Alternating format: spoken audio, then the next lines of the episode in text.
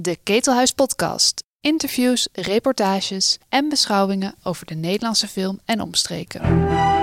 Over het algemeen is er wel waardering voor de Nederlandse film. Ik ben groot fan van de Nederlandse film. Doen we genoeg aan experiment? Hebben we genoeg lef? Grote streamingsdiensten moeten meer investeren in Nederlandse producties. Het is een goede film, maar het is geen statement. Ja, we Het is net- geen statement als het gaat over diversiteit en inclusiviteit. Maar in wezen gaat het steeds om de kwaliteit van onze samenleving. Allemaal razend belangrijk voor, eh, voor deze sector. Ja, zeker. Eh, prachtige sector. In dat streven is een bruisende en voor iedereen toegankelijke culturele en creatieve sector onmisbaar. Maar ik weet niet of dat interessant is voor de podcastluisteraar. Ik vind dit een heel vervelend gesprek.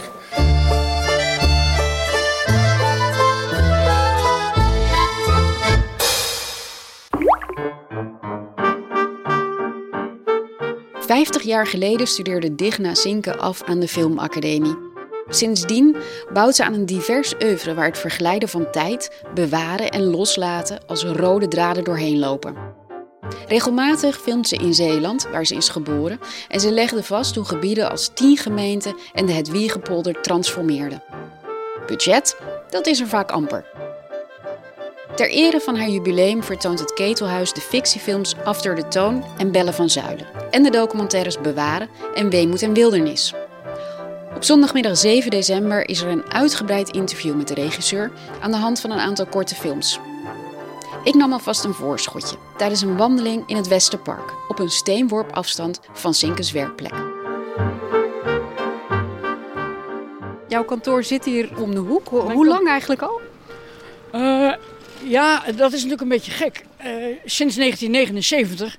Maar toen had ik er nog niet zo heel veel mee te maken. Toen was mijn, mijn partner, mijn, mijn geliefde René, René Scholten, was toen de baas daar. En eigenlijk kwam het door het Amsterdam Stadsjournaal en door Screen en het Vrij Circuit. Gewoon die hele linkse clan uit de jaren 70. En die zochten ruimte. En die zijn volgens mij naar de gemeente toegestapt, waar toen nog een ambtenaar zat die zich met cultuur bezighield.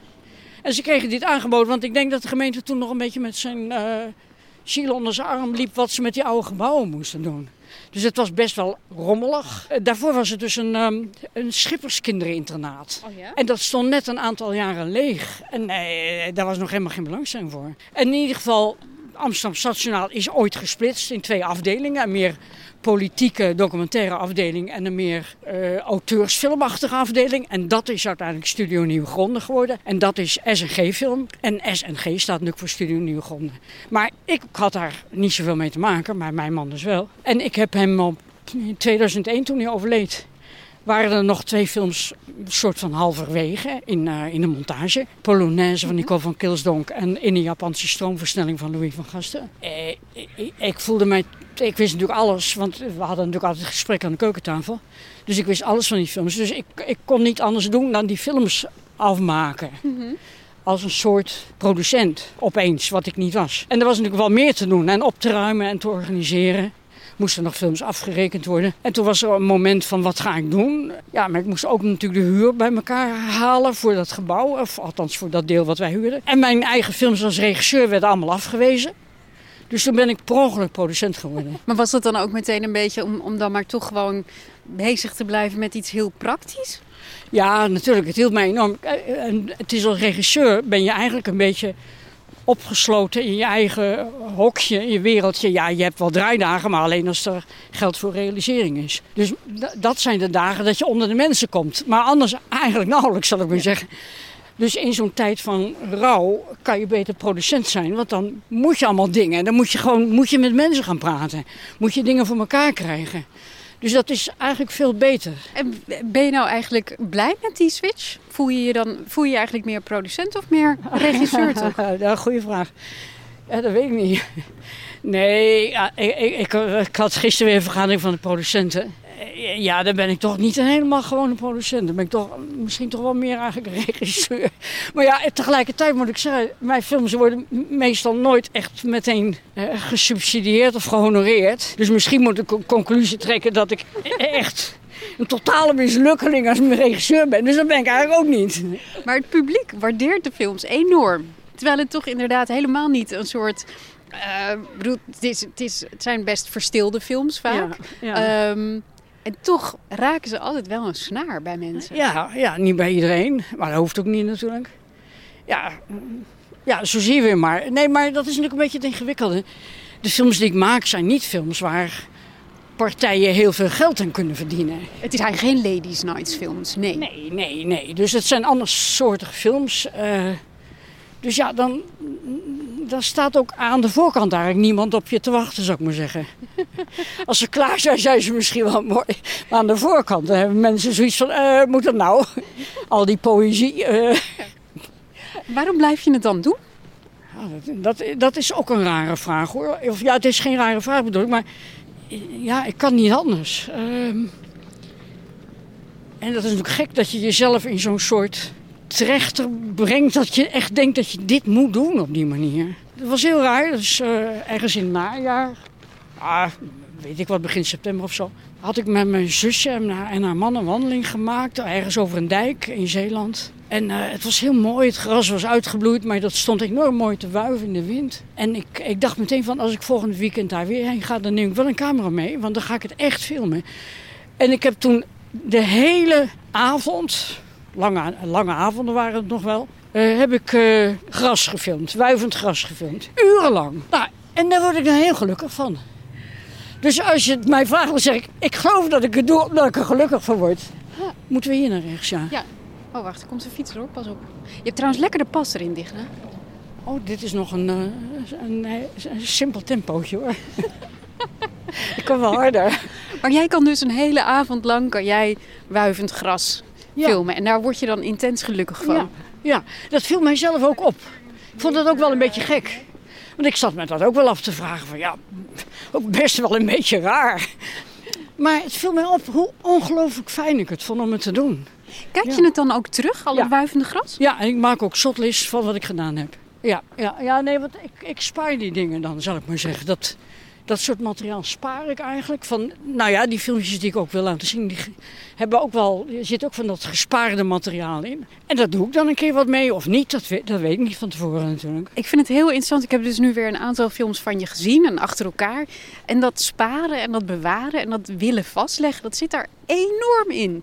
Het lijkt wel, je bent, je bent een bewaarder. Uh, ja, ja, ja, ja, nee, dat ben ik zonder meer. Maar ik ben ook wel een bewaarder. Ik ben, uh, ik ben geen hoorder. Ik ben, ik ben ook wel een heel systematische bewaarder. Mijn stelregel is dat ik iets wat ik wil hebben, dat ik het binnen vijf minuten moet kunnen vinden. Want anders vind ik het ook geen zin hebben om te bewaren. Nou ja, dan ligt het daar zomaar. Je moet, je moet er iets mee kunnen doen als je het nodig hebt. Ja. Om wat voor reden dan ook. Kan praktisch zijn, kan ook heel emotioneel zijn. Maar dan wil ik het ook meteen binnen vijf minuten kunnen vinden. Nou ja, ik ben bij jou op kantoor geweest en ik heb nu weer ook naar je website gekeken. Je website is ook zo'n voorbeeld van alle films staan erop. En daar heb je allemaal ook tekstjes bij geschreven. Ja. Alsof het, het is heel geordend inderdaad. Ja, ja zo ben ik opgevoed. Ben je zo... ja, dat denk ik. ik. Ik heb dat altijd gehad. Ja, ik denk dat ik... Ja, ik, ik weet het niet. Ja, ik ben wel een beetje zo opgevoed, ja. Ja, had jij vroeger verzamelingen? Ja, altijd. Ik heb altijd verzameld. Uh, ik denk dat dat al begon toen ik drie was of zo. Met wat? Ja, uh, bouten en moeren van een afgebroken tramrails. Of uh, tram moet ik eigenlijk zeggen. Zo'n zo stoomtram. Oh ja? Die werd na de waterstoomtram werd die, uh, weggehaald, opgebroken. Het was natuurlijk overal ook half weggespoeld. En dan gingen we dat verzamelen, wat er aan resten lag. En ik heb in Middelburg, ja, fietste ik ook heel vaak in mijn eentje rond. En toen was ik dus jonger dan tien jaar. Er werd een nieuwe wijk gebouwd, Stroomwijk. En daar, dat was aan de stadrand van Middelburg. Dus daar waren vroeger vuilnisbelten geweest. Mm -hmm. Nou, daar kon je fantastische dingen vinden. Dus aardewerk, echt, echt oud. Ook echt uh, vroeger Nederlands Majolica, die categorie. Middeleeuws. En ja, dat, dat nam ik allemaal mee naar huis. En dat stalde ik uit op een soort uh, eigen tentoonstellingsruimte. Uh, daar had ik ook, dat vond mijn moeder ook best wel gek. Ik vond ook wel koeienhorens en varkenskoppen en dat soort dingen. Wat is het verschil tussen troep en een schat? Ja, troep ken ik eigenlijk niet zoveel. Ik heb meer schatten dan troep. Nee, je moet dat instant herkennen natuurlijk. Als je ja, zeg maar ja, op de plek van de oude vuilnisbelten bent. Dat is natuurlijk, ja, ja, precies, dat is het. Je moet meteen je moet iets zien en dan moet je denken, oh ja, dit is goed. Ja. Die wil ik hebben. Maar je hebt nooit geanalyseerd wat dat voor jou is? Nee, maar dat zijn verschillende dingen. Want daar gaat mijn film Bewaar ook een beetje over. Mijn moeder zegt het ook heel goed. Er zijn dingen waar je eigenschap aan hebt. Kijk, wat ik nou bijvoorbeeld niet weet, dat is of we ook deze kant kunnen. En kan je dan aan het eind weer links omhoog. Oh, maar je kan niet over de spoorlijn heen, toch? Nee, volgens mij kan je hier niet over de Dat is spoorlijn. op zich een mooi laantje. Maar dan moet je een, blokje om. Ja, maar je loopt zo snel. We kunnen makkelijk uit het blokje om.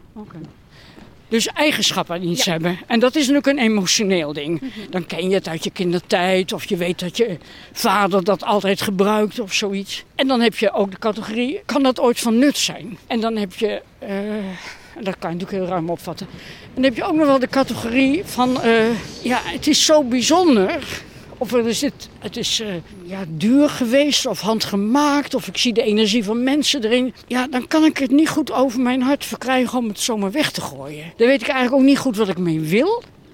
Ik hoef er ook niet, niet eens eigenschap aan te hebben. Maar ja, die vernietiging van iets wat met zoveel ja, liefde of wat dan ook tot stand is gekomen.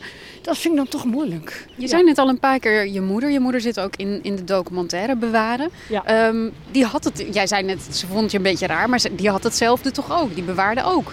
Ja, maar mijn vader was ook nogal een bewaarder. Dus het komt van twee kanten, ja. nou ja, maar kijk, dat is ook nog weer iets ingewikkelder. God, een mooi licht. Ja, die meneer maakt daar ook een foto van. Film. Filmzoos. Nee, dat, het is natuurlijk een generatie van mensen. eh, die komen uit een tijd. Ja, er waren wel winkels, maar dat waren meestal wel winkels waar je heel eenvoudige zaken kocht als maizena, stroop, eh, m- boter, melk, kaas en eieren. eh, maar alle luxe voorwerpen, ja, zeker in Zeeland in zo'n dorpje, nee, nee, nee. Een mooi servies had je nodig of zoiets, maar die enorme overdaad die we nu kennen, dat was er toen natuurlijk helemaal niet. En hebben ze ook nog een armzalige periode meegemaakt, de crisisjaren, eh, jaren 30. Na de oorlog, of de oorlog zelf natuurlijk, en dan na de oorlog, dat waren geen hele rijke tijden. Dus die mensen waren blij met een mooie lap stof. Of, eh, dus eh, mijn moeder had echt ook enorme, enorme partijen, koffers vol ja, lapjes stof om nog eens een keer wat mee te doen. En ik begrijp dat wel vanaf, vanuit die achtergrond. Dat je uit een tijd komt dat dat echt ja, een enorme waarde vertegenwoordigt eigenlijk. Wij hebben, toen wij het huis van mijn oma gingen ontruimen, bleek dat zij nog allemaal sunlight zeep had Oh ja. uit de oorlog. En die had ze toen met heel veel moeite gekregen. Ja. Die kon ze ook niet wegdoen. Ja, nou dat herken ik heel goed. Wij hebben ook nog eh, een stukje zeep die we eh, ja, in het kader van de hulpverlening bij de watersnoodramp gekregen hebben. En we kwamen nu in eh, de nalatenschap van mijn moeder ook nog eh, een heleboel doosjes persil tegen. Dus dat is heel vergelijkbaar, ja. Blijkbaar is zeep dan wel een ding, ja. Wat ik me wel afvraag, want je, je be- nee, wacht, laat ik het zo zeggen. Wat, wat deden jouw ouders precies? Eh, ja, een goede vraag. Ehm, eh, ja, dat is heel Je moet er heel lang over nadenken. Nee, nee, kijk, kijk, als ik zeg mijn moeder was huisvrouw, dan doet dat geen enkel recht aan wie ze was. Dus mijn moeder was een dochter van een timmerman in een klein dorpje, Zonnemerre. En eh, zij mocht dus gewoon als meisje eh, voor de oorlog naar de HBS, wat toch 9 kilometer fietsen was. En waar eigenlijk alleen maar de kinderen van rijke boeren naartoe gingen. De jongens dan, de mannen. En daarna mocht ze ook nog gaan studeren in Utrecht, wist en natuurkunde. En dat kwam eigenlijk alleen maar omdat mijn oma was vroeger zo graag onderwijzeres geworden. En dat mocht toen nog niet. Dus ik denk dat mijn oma toen iets had van ja, als ik ooit een dochter krijg, dan mag je al dit soort dingen doen die ik nooit gemogen heb. Of nooit heb kunnen doen. Dat was natuurlijk ook een financiële kant aan. Dus eh, ik heb me daar nooit verder over verbaasd. Ik dacht dat het vrij normaal was als je moeder voor de oorlog wiskunde ging studeren. Maar dat schijnt niet normaal te zijn. Dus daar heeft ze later ook nog wel wat mee gedaan. Ze heeft wel wiskunde bijles gegeven. Maar ze kwam natuurlijk, de oorlog heeft alles verstoord, want ze heeft de loyaliteitsverklaring niet getekend. Dus toen werd ze te werk gesteld in een wasserij. Ze moest evacueren, want eh, waar ze woonde werd onder water gezet. Daar kwam ze toen mijn vader tegen. Die moest dan ook nog weer weg, want die moest onderduiken. Toen kwamen ze elkaar weer tegen. En toen raakte het pas echt goed aan. En ja, daar ben ik een van de producten van. Een van de, want je hebt nog broers en zus? Ja, ik heb twee zussen en een broer. En mijn vader heeft een andere carrière. Die kwam uit de familie van fruitkwekers. Een eilandje verderop. En die eh, kon goed leren. Maar na de lagere school moest je eigenlijk meteen Moeten we nu eigenlijk hier langs of ga je, is dit een goede route? Wat wil je? Ik ben even aan het kijken, wat vind jij Nou, leuker? dan laten we deze doen. ja, naar beneden. Ja. Die ziet er lekker klein uit. Eh, maar die moest gewoon na, na toen die 12 was, eh, ja, aan het werk. Zomers in, in, de, in, in de fruit. Bessen plukken, appels plukken, peren plukken, pruimen plukken. Ehm, en zwinters in de oesters en mossels. En toen is hij wel ontdekt door iemand van het gemeentehuis. Die wist dat mijn vader altijd goede cijfers had gehad op school. En toen eh, heeft hij allerlei diploma's gehaald. Eh, is hij een tijd ambtenaar geweest in, daar, in, in allerlei dorpjes in Zeeland. En toen had hij het ook wel een beetje gehad met dat ambtenaarschap, want dat lag hem toch ook niet helemaal, denk ik. En toen heeft hij gesolliciteerd om directeur van een stichting voor sociaal werk te worden in Utrecht. En dat heeft hij de rest van zijn leven met heel veel plezier gedaan. Het is niet zeg maar een plek waar je zegt, oh ja, dat is heel logisch dat je dan Zeeland achterlaat en, en richting de filmacademie gaat. Eh, ja, maar toen was ik dus al naar Utrecht verhuisd. Maar wat was het in film dat je zo aantrok?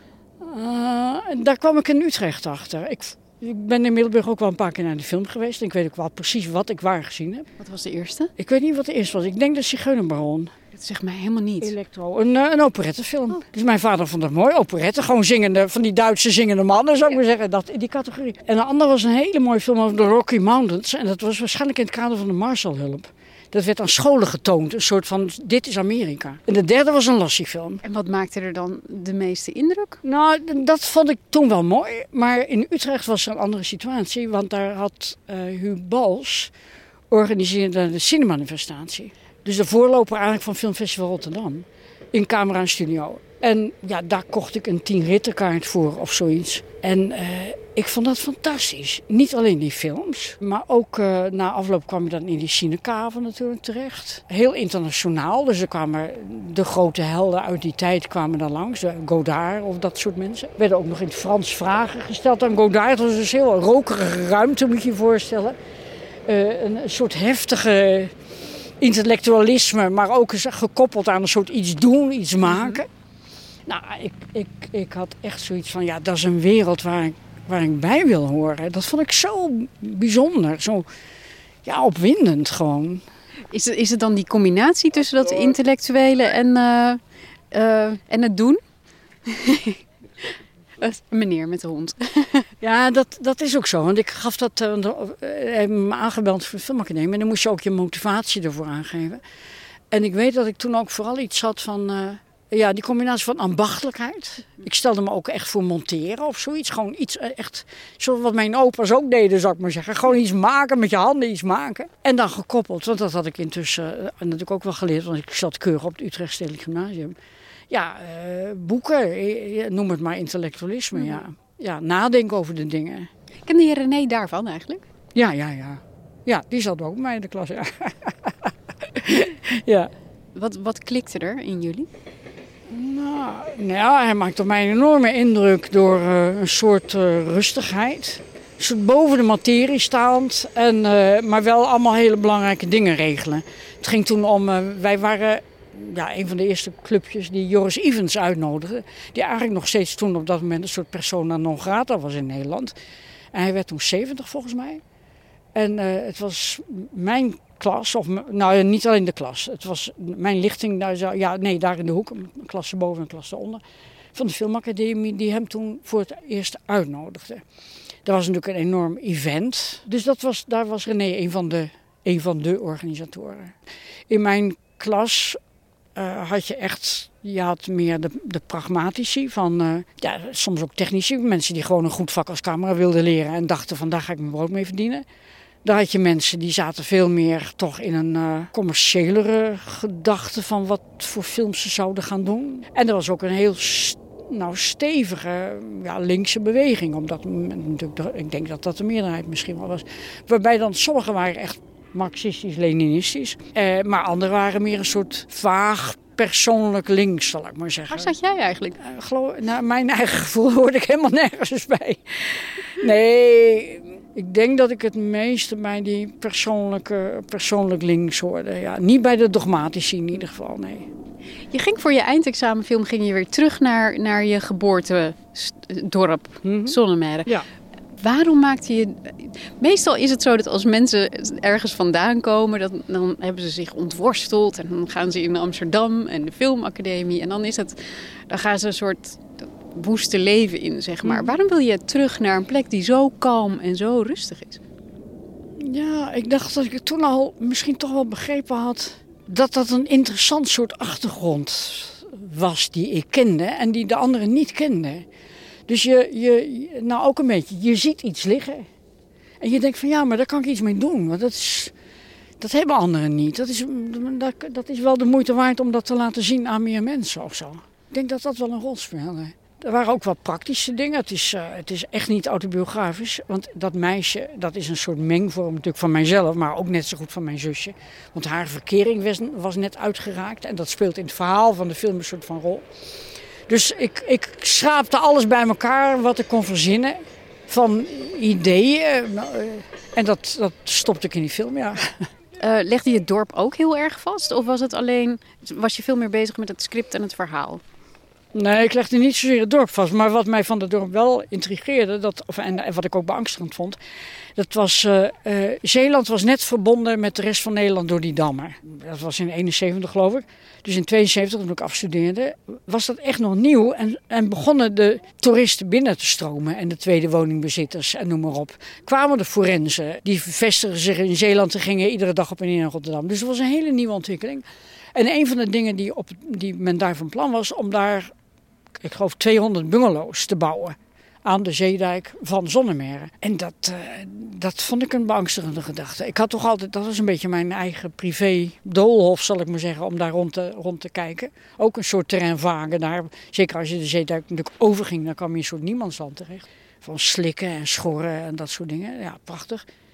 Dus dat vond ik helemaal niks wanneer ik daar opeens dan uh, hoorders, uh, weekenders, toeristen, weet ik wat, zou gaan zien. En bovendien, ik was er ook heilig van overtuigd dat dat ook wel de structuur van zo'n dorp enorm zou aantasten, de sociale structuur. En dat zou natuurlijk ook zo zijn, maar ze zijn ook niet gebouwd. Wat ontzettend interessant dat je dat toen allemaal al als een soort thema's uh, heel erg interessant vond. Want dat, die, precies dit loopt als een soort rode draad ook door je documentaires. Ja. In, in ja. uh, het Wiegepolder, uh, tien gemeenten heb je gefilmd. Is ook allemaal, is dat ook een vorm van willen bewaren, net als het wuivende gras en dat wat verdwijnt, dat je dat nog wil vastleggen? Ja, ja, dat zou kunnen. Ja, ik weet het niet. Ja, ik denk het wel. Nou, het is vooral. Het is ook, het is ook melancholie. Het is ook nostalgie. Maar daar heb ik een soort commentaar. En dat zegt uh, zoiets als: uh, kijk nog één keer goed om je heen. Niets voor de eeuwigheid. Een soort laatste moment dat je de ding nog kan zien. En daarna komt er een andere wereld met andere dingen en andere dingen die belangrijk zijn. Dus het is ook een soort uh, ja, vergankelijkheid. Dus eigenlijk is vergankelijkheid natuurlijk mijn grote thema. Ja. Dus drukt op de pauzeknop eigenlijk even. Ja, ja, of je hebt het gevoel dat je nog het allerlaatste moment, die één seconde voor twaalf uur, nog ergens bij mag zijn. Wat daarna voor goed verdwenen is. Wat maakt het nou dat dat precies is waar jij zo op aanslaat? Ja, dat weet ik niet. Ik weet het niet. En dat heb ik al heel lang. Dus blijkbaar dus als kindje ook al. Uh, ja, misschien. Ja, ik, ik, heb eigenlijk geen idee waar dat vandaan komt. En mijn zus heeft het niet en die is maar 17 maanden jonger dan ik ben. Dus we zijn natuurlijk gelijk opgegroeid in dezelfde soort omgeving. Maar ik heb, ik, ik heb altijd. En ook, ik heb ook altijd enorm mijn oma verhalen proberen te ontlokken. Zo van. Uh, en ik heb ook uitgebreid geïnterviewd. Van hoe was het leven vroeger dan? Wat is er dan nu anders? Wat deed je? Wat at je voor ontbijt? Of uh, wat leerde je op school? Dus ik, ik ben altijd geïnteresseerd geweest in ja, geschiedenis of dingen van vroeger. Of uh, laatste momenten of vergankelijkheid of hoe je het noemen wil. Ja. En het is ook zo, je, je hebt je moeder gefilmd in, in Bewaren. Hmm. Dat is ook een vorm van je moeder bewaren, toch? Ja, dat zeker. En ze zit ook nog in die andere film uh, Hoop en Verwachting. Het is best ingewikkeld om je moeder te bewaren. Je, je moeder is natuurlijk veel complexer en, en ingewikkelder dan je ooit kan laten zien in een portret. Ja, natuurlijk. Maar dit is maar een fractie natuurlijk van wat je van iemand te zien krijgt. Ja, ja, maar het klopt wel. Ik bedoel, ze is het wel echt, ja. ja. Maar dat moet toch frustrerend zijn voor iemand die zo graag zoveel en zo compleet mogelijk wil bewaren. Nee, ja, dat weet ik niet. Nee, nee, dat is wel in de game. Dat, dat, dat natuurlijk is. Kijk, dat zou je zijn als ik een verzamelaar was. In de zin van dat je dan Nederland in postzeels compleet wil hebben. Maar dat heb ik helemaal niet. Ik vind juist. Uh, ja, de beperktheid of het menselijk onvermogen daarin, dat vind ik nou juist eigenlijk wel aantrekkelijk. Het hoeft helemaal niet compleet, ik hoef niet alles. Ik vind het al bijzonder als ik een heel klein partje daarvan kan krijgen. Kom, we gaan weer een stukje lopen. ja, het gaat nog koud. ja. Hoe kijk jij nou om je heen als je hier bent? Let je, let je ergens op? Ja, natuurlijk dat het riet gemaaid is, zie ik meteen. Bladeren natuurlijk. Heel veel bladeren, bladeren liggen er nu. Allemaal verschillend natuurlijk. Hm. Die wilgenblaadjes zijn. Kijk, en hier hebben ze haksel, hakselspul. Wat er nou gebeurt is, ik denk dat ze het gas nog één keer gemaaid hebben. Ja, ik ben wel, ik ben wel natuurachtig. Hè? Dus ik kijk wel, eh, ik zag dan ook wat een reiger vliegen. Op zich is het natuurlijk fantastisch hier. Hè? Ja, het is een prachtig park. Ja, heel mooi. Ja. En eigenlijk ook maar een soort uh, verloren terreintje wat er toevallig ligt tussen de spoorlijn en, en de weg. Hè? Je hebt trouwens, die, uh, wat jij heel veel doet in je films is, is... Oh, je wijst ergens naar. Hier mag je ook heen. Durf jij dit? Nou, waar, waar kom je dan? Op een soort modderig... ik, weet, ik weet niet of mijn schoenen dit aankunnen. Ja, dit wordt, blijf, ik ben bang dat ik vast blijf zitten vooral. Nou, trek ik, trek ik je er wel uit hoor. Ik zou er niet zo bang voor zijn. Maar goed, ik geef toe dat je schoenen komen er niet ongeschonden vandaan. Nee, nee. Nee, maar als je dus kijkt naar de natuur en de manier waarop je dat in beeld brengt... dat doe je heel vaak in, in een soort verstilde kaders. Die je lekker breed opzet. het, is prachtig, je laat mensen lekker lang kijken ook. Ja, ja. Ja, ja, ze moeten er wel iets voor over hebben. Kijk, nou ja, ik heb daar helemaal geen principes over. Maar ik, in de montage is natuurlijk uiteindelijk is dan je criterium. Hoe lang zou ik er zelf naar willen kijken? Misschien nogal langer, maar ik probeer wel een beetje voorzichtig te zijn. Ja, maar dat is best lang. En ik bedoel, het werkt ook, hè? Ik bedoel, in de film. Ja, dat, dat hoop ik wel, ja. ja. Dat is wel mijn bedoeling, dat het werkt, ja. Ja, maar nogmaals, niet voor iedereen, hè. Er zijn ook mensen die daar niks van moeten hebben je, je contrasteert het heel vaak met een, uh, met een voice-over, zoals als Weemoed en, en Wildernis. En in After the Tone heb je... Dat is eigenlijk een film, een fictiefilm die helemaal bestaat uit Stemmen. voicemails. Er zit een heel erg contrast tussen dat hele kalme, rustige van het landschap... en een soort, ja, toch toenemende emotie in, in dat verhaal. Bij After the Tone bedoel je met name, of in het algemeen? Nee, bij After the Tone. Ja, dat klopt. Ja. Dat is het, het, is eigenlijk een, uh, het was eigenlijk een hoorspel hè? van Henk Burger. Maar hij kreeg, dat niet, hij kreeg dat niet voor elkaar als hoorspel. En toen heeft hij eerst daar David Lammers voor aangezocht. Van kunnen daar geen film van maken? En toen kwamen ze er toch niet erg uit wat dan het beeld zou moeten zijn. En ik, ik had, voor mij was het helemaal duidelijk. Je moest gewoon iets doen met de locaties waar die mensen dan hun boodschap in spraken of waar ze mee verbonden waren. En toen heb ik het van ze afgepakt eigenlijk soort van. Ja, maar met alle toestemmingen. Allemaal in netten. Maar het is een hele. Ik, ik vond het toch een hele intrigerende film. Omdat je dus inderdaad. Het is, een, het is een thriller eigenlijk, maar dan met een heel kalm, verstild beeld. Ja, ja, ja. Ja, het is ook geen echte thriller natuurlijk. Het is meer een psychologisch drama, toch? Of niet? Ja, psychologisch drama, ja. Ja, nou ja, ja, ik vond het zelf ook heel. Ik vond het zo een hele goede tekst eigenlijk. En, maar ook omdat die mensen allemaal zo verschillend zijn. En ik moet zeggen, het is natuurlijk ook de thematiek die ik heel interessant vond. Wacht, we moeten vertellen. Het gaat over een man die verdwijnt. Uh, en wat je hoort zijn mensen die de voicemail inspreken van deze man. En in het begin... Uh, hij is succesvol. Hij is gewoon uh, een succesvol ontwerper of zoiets. En opeens is hij weg. En niemand weet waarheen. Hij antwoordt nergens meer op, hij is niet bereikbaar. En met name zijn, zijn vriendin, zijn moeder en zijn zus... en natuurlijk zijn collega's doen enorme moeite om het pak te krijgen... en ze hebben geen idee.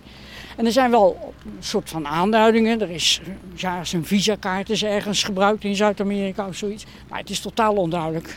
En blijft ook onduidelijk in de film. Ja. Maar nu lijkt het net alsof dit een, een verhaal is. Maar het verhaal moet je echt ontdekken door de teksten te horen. Ja. Want ik vertel het nu als verhaal, maar zo komt het eigenlijk niet op je over misschien als je kijkt. Nee, en dat is er heel erg sterk aan. En tegelijkertijd, wat, wat was er dan uh, aan die thematiek? Want er zit heel veel thematiek in. Uh, de thematiek dat je mensen nooit helemaal kunt kennen, bijvoorbeeld. Dat is precies, daar gaat het mee om. Want hij, het feit dat iemand verdwijnt en je weet niet waarom die verdwijnt betekent natuurlijk dat je, toch, dat je hem niet echt goed gekend hebt. Want anders had je het geweten.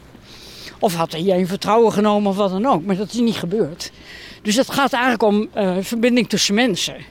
Dus je, eh, hoe, hoe diep ga je in iemand kennen? En hoe diep ga je ook in iemand en ook in jezelf laten kennen door anderen. Uh, ja, dat heeft wel zijn oorsprong in, in contacten met mensen die ik zelf ook wel gehad heb. Waarvan ik dan ook dacht dat ik iemand kende. En dan kom je er toch achter dat dat toch misschien niet zo was. Denk je dat het überhaupt mogelijk is om iemand helemaal te kennen dan? Nee, natuurlijk niet. Nee, ik denk niet dat jou iemand helemaal... Dat hoeft ook helemaal niet. Maar, dus het is eigenlijk al bijzonder als er momenten zijn waar je elkaar echt kan raken en dichtbij kan komen. Vind ik eigenlijk al... Een wonder. Een wonder, ja. Nou, er is, ik heb ook een film gemaakt over Joan Brossa, Spaanse kunstenaar, of Catalaans moet ik zeggen. En uh, die hield zich in 1948 bezig met een klein groepje kunstenaars. Allemaal ingewikkeld natuurlijk. Spanje had de burgeroorlog gehad. Uh, en Franco was aan de macht. Er was een heel... Weet je wat een herrie heel reactionair regime gekomen. en met een, een klein groepje mensen uh, richtte die een, uh, een, een, tijdschrift op, daar was zet, Dobbelsteen 7. En dat heeft, ja, ik weet niet, twee, drie jaar geduurd. En toen is die groep toch weer helemaal uit elkaar gevallen. En ik heb een interview gemaakt met één oude vriend uit die tijd. En die vertelt dan, er was één moment in mijn hele leven... en daar kruisten al die paden van al die mensen elkaar even. En even hadden we een soort perfecte verbinding met elkaar. En ja, ach, je moet accepteren dat het daarna weer weg kan zijn. Maar het maakte hem nu nog gelukkig dat het ooit een keer gebeurd was. Ook weer zo'n momentopname eigenlijk. Ja. Ja. Je bent 50 jaar, zit je in het vak. Ja. Ze hebben gevraagd of je een aantal films kon uitkiezen. Was natuurlijk geen enkel probleem, want die had je allemaal gewoon in het archief, kon je zo uittrekken. Ja. Hoe kies je dan die films? Zijn dat dan ook die films waarvan je zegt, dit was precies goed? Heb je die films? Nee, ik, ik heb geen enkele film die precies goed is. Ah, ik, ik heb ook wel gezocht naar een zekere diversiteit daarin. Uh, en dat zijn natuurlijk absoluut films waar ik me heel erg mee verbonden voel. Maar ik voel me met meer films, bijna met iedere film verbonden. Wat zat er trouwens in Bellen van Zuilen waar je je dan zo verbonden mee voelde? Ah ja, dat was natuurlijk het personage Bellen van Zuilen zelf. Dus voor mij op dat moment ging die film echt over het vinden van een balans tussen gevoel en verstand. En dat was ook precies uh, waar... Oh, dan gaan we hierin, dan links. Ja, we zijn nu bij begraafplaats, hè? Ja, ja, ja. Barbara. Daar liggen ook die mensen die eenzaam in hun eentje thuis... Uh, de eenzame uitvaartmensen? Eenzame uitvaartmensen, die liggen hier ook allemaal. Nee, maar, dus ik vond het heel... Ik, ik heb toen ook alles gelezen natuurlijk. Het begon allemaal heel grappig hoor. Ik was op een verjaardag en daar... Uh, kwam ik uh, de oude Vlothuis tegen, componist. En die was bezig met het muzikale deel van de verzamelde werken van Belle van Zuiden. Want Belle van Zuiden heeft ook muziek gecomponeerd. En die zei, want ik ken haar wel, ik had al één boekje gelezen, Rebel zijn beminnelijk. Op zich sprak die titel mij ook al aan. En die zei van ja, er zou iemand een film over dat mens moeten maken. Want dat is zo interessant. En ik ben toen alles gaan lezen. Heb met allerlei mensen gesproken heb ook een heleboel Franse boeken over de Franse revolutie gelezen, want het speelt zich ergens in die periode af. Ik ben aan de slag gegaan. En wat ik er interessant aan vond was natuurlijk uh, ja, dat gezond verstand, waar ze een enorme voorstander van was. Uh, en tegelijkertijd natuurlijk had ze allerlei curieuze, ja wat zou ik zeggen, relaties met verschillende mannen. Ja, die heftig en heel gevoelsmatig waren. Hoezo verstand? Nee, niks verstand. Uh, en, en uit die brieven, uh, kijk, je komt niet zo vaak tegen dat uit brieven zo duidelijk je eigenlijk in iemands hoofd kan kijken. Dus die intimiteit van haar met deze correspondentievrienden die is zo groot dat het echt heel bijzonder is dat je dat, je dat mag lezen, dat je daar getuige van mag zijn wat iemand gedacht heeft in die tijd. Je slaat heel erg aan ook op die brieven, zei je net. Ja. Um, dat heb je wel vaker. Je gebruikt kaarten en, en post, dat bewaar je ook allemaal, hè? Ja, ik heb heel veel brieven. Is dat omdat dat een inkijkje is in iemands hoofd? Kijk, als we zo praten kan je misschien het idee krijgen dat ik ook best wel uit mijn woorden kan komen. Maar ik geloof dat ik eigenlijk nog beter uit mijn woorden kom als ik ze op kan schrijven. Vind ik wel fijn. Ik bedoel, heb je, dan maak je natuurlijk ook nog een soort het heeft ook een prettig soort. Hier naar beneden? Ja, laat het maar doen. Weet je dan waar we uitkomen? Geen idee. Waar komen we dan uit als we daar die kant gaan? Oh, dan gaan we het wel doen. Ja, mooi rondje dus. Ja, dan gaan we het wel doen. Goed dat je het zegt. Ja, ja. dankjewel. Nee, schrijven. Ik heb. eh, ja, ik weet niet. Ja, ik vind, ik vind het ook interessant hoe andere mensen woorden gebruiken om iets uit te drukken. Ja, ik, ik vind brieven wel. Ik heb, wel, ik heb zelf ook allerlei eh, ja, grote, langdurige, heftige correspondenties met mensen gehad. Met wie dan bijvoorbeeld? Eh oude schoolvriend, eh, een vriend van René in Oldenzaal. Een mevrouw die notabene in mijn film Een Van Gogh in de muur als, als personage zat. Nou, daar heb ik geloof ik 20 jaar of misschien wel 30 jaar mee gecorrespondeerd. Serieus? Ja. Wat, waarom dan? Waar, waar raakten jullie dan niet over uitgecorrespondeerd? Nou, natuurlijk ook af wat ons allemaal overkwam. maar zij was gewoon een, eh, ja, hoe noem je dat, huisvrouw in Aalsmeer. M- Maar eigenlijk, eigenlijk altijd met het idee eh, dat ze nog niet alles gedaan had wat ze had willen doen in haar leven. Dus ze ging gedichten schrijven. Dus het begon er ook mee dat ze mij dan vroeg van, ja, denk je dat dit goed is? Wat vind je ervan? Of ja, dan ging er heel serieus op in. Maar ik kreeg natuurlijk van allerlei dingen te horen. Het kon- van alles zijn over de kinderen of over de aardbeienplantjes. Of eh, haar eigen geschiedenis. Echt als een soort arbeidersvrouw eigenlijk toch. Zouden mensen nog zo schrijven, denk je? Want in een e-mail is dat toch anders? Nee, ik heb ook wel... Ik, het is wel anders, maar ik moet zeggen... Ik, ik heb ook wel e-mails met mensen, vriendinnen vaak. eh, die eigenlijk brieven zijn. Eh, ja, daar, dat zijn, die print ik ook wel uit. En die stop ik nog steeds in de map eh, brieven, zal ik maar zeggen. Heb je dan trouwens een map per persoon? Of heb je gewoon Nee, brieven? gewoon- het gaat puur chronologisch. Het zijn er meer dan Bellen van Zuilen geschreven heeft. En je doet niet je eigen brieven erbij, of wel? Ja, ook. Natuurlijk. Dus Ja. voor, voor, de, voor de historici heb je gewoon echt een heel... Je laat dat echt keurig achter. Ja, ja, ja zeker. Ja. Ah, leuk is dit hier zeg. Ja, dit is een hondentrainingsplaats, zag Oh, ik. ja, eh. ja, ja. En je leest het ook terug? Of is het er gewoon? Nee, ik lees het af en toe wel terug. Toen voor, voor de film bewaren, dan zie je mij ook in, in brieven bladeren. En dan, zie je, dan vraag ik me dat ook af, van wat moet ik ermee? En eh, toen ben ik ook zelfs nog weer wel even een flinke map vol gaan doorlezen. En ik vond het eigenlijk heel, eigenlijk wel heel interessant. Omdat dat, dan zie je opeens een beeld van jezelf, wat je eigenlijk, je stelt eigenlijk je, je beeld van jezelf steeds bij. Dus je denkt dat het altijd hetzelfde is geweest, maar het is nu niet zo. Dus opeens realiseer ik me van, oh ja, maar daar dacht je toen zo over. Of wat reageer je daarop gewonnen? Dat zou je nu niet meer doen. Of het geeft je wel een soort wijsheid mee om daar af en toe naar te kijken op een bepaalde manier, denk ik. Ja. Je hebt in, ehm, in Weemoed en Wildernis, eh, dat is eigenlijk het, het filmproces van, eh, van je films over tien gemeenten. Het is tegelijkertijd een film over, over rouwverwerking. Ja. Ehm, want René komt te overlijden als jullie bezig zijn met die, met die... Want jullie zijn 13 jaar bezig geweest Ja. om dat te volgen. Ja, dat klopt. Wanneer dacht je dit ehm, wordt een onderdeel van deze film? Nou, dat, dat had ik natuurlijk niet van tevoren bedacht. Ehm, dat is moeilijk te zeggen. Ik denk dat dat eigenlijk eh, kwam toen ik. Dus zeg maar in de montage.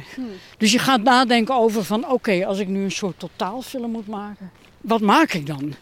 Ga ik alleen maar vastleggen hoe de laatste boer eh, eerst er nog een tijd woont en daarna weggaat? Of gaat het over die 13 jaar als een hele periode waar dingen naast elkaar bestaan? En ook waar ik zelf ook een rol in speel. Ook mijn observaties van wat ik daar tegenkom zou erin kunnen. En, en alles eromheen. Alleen al het materiaal. Ik heb natuurlijk altijd het materiaal nog een keer bekeken toen. En eh, ja, gemarkeerd wat ik bijzonder vond. Dat lokte, of dat inspireerde mij, lokte uit bij mij. Ja, dat je dat je dingen gaat afvragen van... Hoe kijk ik er dan zelf tegenaan? Wat heeft het voor mijzelf betekend om hier 13 jaar mee bezig te zijn? Kijk, je film gaat natuurlijk over vergankelijkheid. Ja. Is die blik bepaald omdat je daar zelf mee te maken kreeg? Of was die er al en valt dat er dan in? Nee, die was er al. Nee, dat, is, dat zijn die, alle die verhalen al, denk ik, van die eh koeienhorens in Middelburg die ik op, opgroef. De- dus die aandacht voor vergankelijk was er altijd en dit viel daar he- helemaal in. Is het dan prettig om zo'n film te maken? Moeten we nog deze kant op of hoeveel tijd Nee. heb je? Of wil je We, gaan, eh, we lopen gewoon hier zo rechtdoor. Ja, oké. Nou, ik moet zeggen, ik vind montage eh, vind ik een heel, toch in principe heel prettig. Omdat dat Alles ligt weer open. Je kan je, kan je nog helemaal herzien. Ah, je moet het natuurlijk wel doen met wat je gedaan hebt, wat je gemaakt hebt. Maar je kan in, in geluid kan je natuurlijk alles opnieuw opnemen wat je maar wil. Iedere tekst is, uh, is allemaal heel geduldig. En je kan het de volgende dag ook nog weer anders doen. En je kan je woorden rustig kiezen. Je, je hebt er absolute controle ja, over. Ja, ja, ja, dat is allemaal heel belangrijk. Maar het is ook een, een waanzinnig creatief proces waar je in zit. Je moet jezelf er ook streng over ondervragen van... Uh, ja, wat heb ik daar uiteindelijk over te zeggen? Wat, wat wil ik dat mensen overhouden? Wat, uh, wat moet er helder worden? En, en dit, het is natuurlijk ook een film, en dat hebben we al veel van films, die ook een soort vage hoop hebben. Hè? Aan het eind. Dan gaat het toch over dat iemand, uh, of ja, dat mijn stem zegt, dat ik zeg, van uh, ja, doorgaan of zoiets. Dat moet dus ook. Het is een, een plicht. Mijn vader had altijd een heel verhaal. Ja, sociaal werk zat in natuurlijk in. Ja. Echt een mensenmens. Die trouwens ook hele goede brieven kon schrijven. Um, dat ging over dragen last en draagkracht. Uh, ja, sommige mensen hebben zo'n last. Zo'n zware last te tillen. Ja, dat is er onderdoor gaan. Maar als je het geluk hebt dat je ook veel draagkracht hebt, moet je die vol inzetten. Dat is een soort ja, taak naar de wereld, zou ik maar zeggen. Dan mag je niet zeuren en kinderachtig doen. Nee, schouders eronder en uh, aan de slag. Wat voor producent ben je eigenlijk geworden? Nou, als ik een eigen film wil maken, maak ik een eigen film. Dus ik zal nooit iemand erg dwingen iets te maken omdat ik het zo graag wil op die manier of zo. Ik probeer heel erg mee te denken in wat de maker wil maken. Ja, ik bemoei me er graag mee, maar dan toch nooit. Ik probeer altijd erg mee te denken met wat iemand wil. En ik hoef het, het hoeft niet mijn film te worden. Hoe staat het ervoor tegenwoordig in Nederland? Is het, uh, is het te doen voor de autonome kunstenaar? Nou, dat is best wel ingewikkeld geworden. Ik moet nog wel eens denken aan die tijd dat je bij de Nederlandse omroep, bij zo'n raar programma als Beeldspraak, twee A4'tjes inleveren, uh, inleverde. En dat ze zeiden van, goh, wat leuk. Ja, je kan uh, om vier uur nog even gaan praten met de man die over de financiën gaat. Maar verder is het in orde. Ja. Nou, dat, dat bestaat dus niet meer.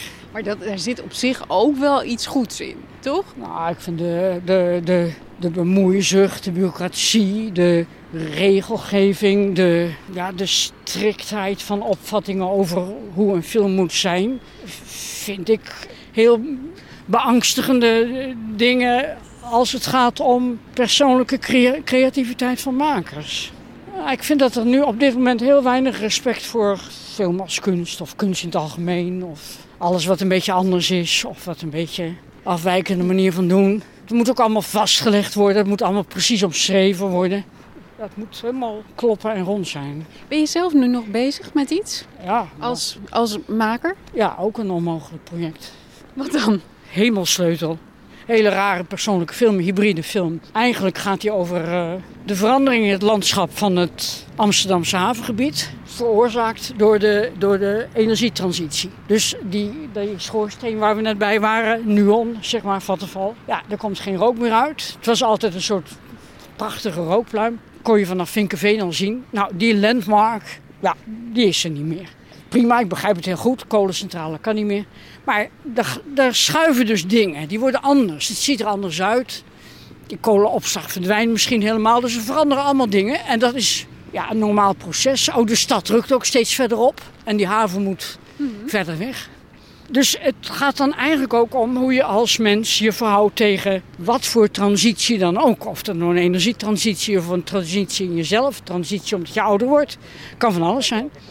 Daar gaat die film eigenlijk over. En dan meng ik dit, die arena van die Amsterdamse haven en ook wel de, de bezorgdheid over het milieu. Uh, dat vermeng ik met een persoonlijke transitie, met een persoonlijk verhaal. Van iemand die ja, ook nog iets op te lossen heeft wat er, wat er ook niet goed gegaan is in het persoonlijk leven.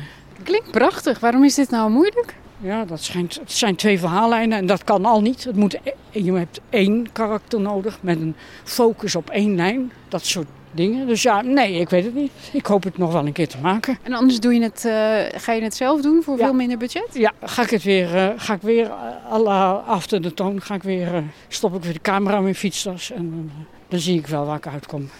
Ben ik helemaal vrij. We zijn ongeveer bij het ketelhuis. Mijn Handen zijn langzaam bevroren. Wij gaan nog uitgebreid napraten, of eigenlijk we gaan uitgebreid verder praten Ja. tijdens eh, het retrospectief wat we organiseren op zondag. Ja, dan ga- dan hebben we het ook nog weer over andere dingen, toch? Ja, zeker. Ik ben wel benieuwd. Ja, ik ook. Maar bij jou is het altijd een gesprek. Je weet nooit precies waar je uitkomt. Het is heerlijk. Ik, heb nog, ik heb nog wel meer onderwerpen, ja.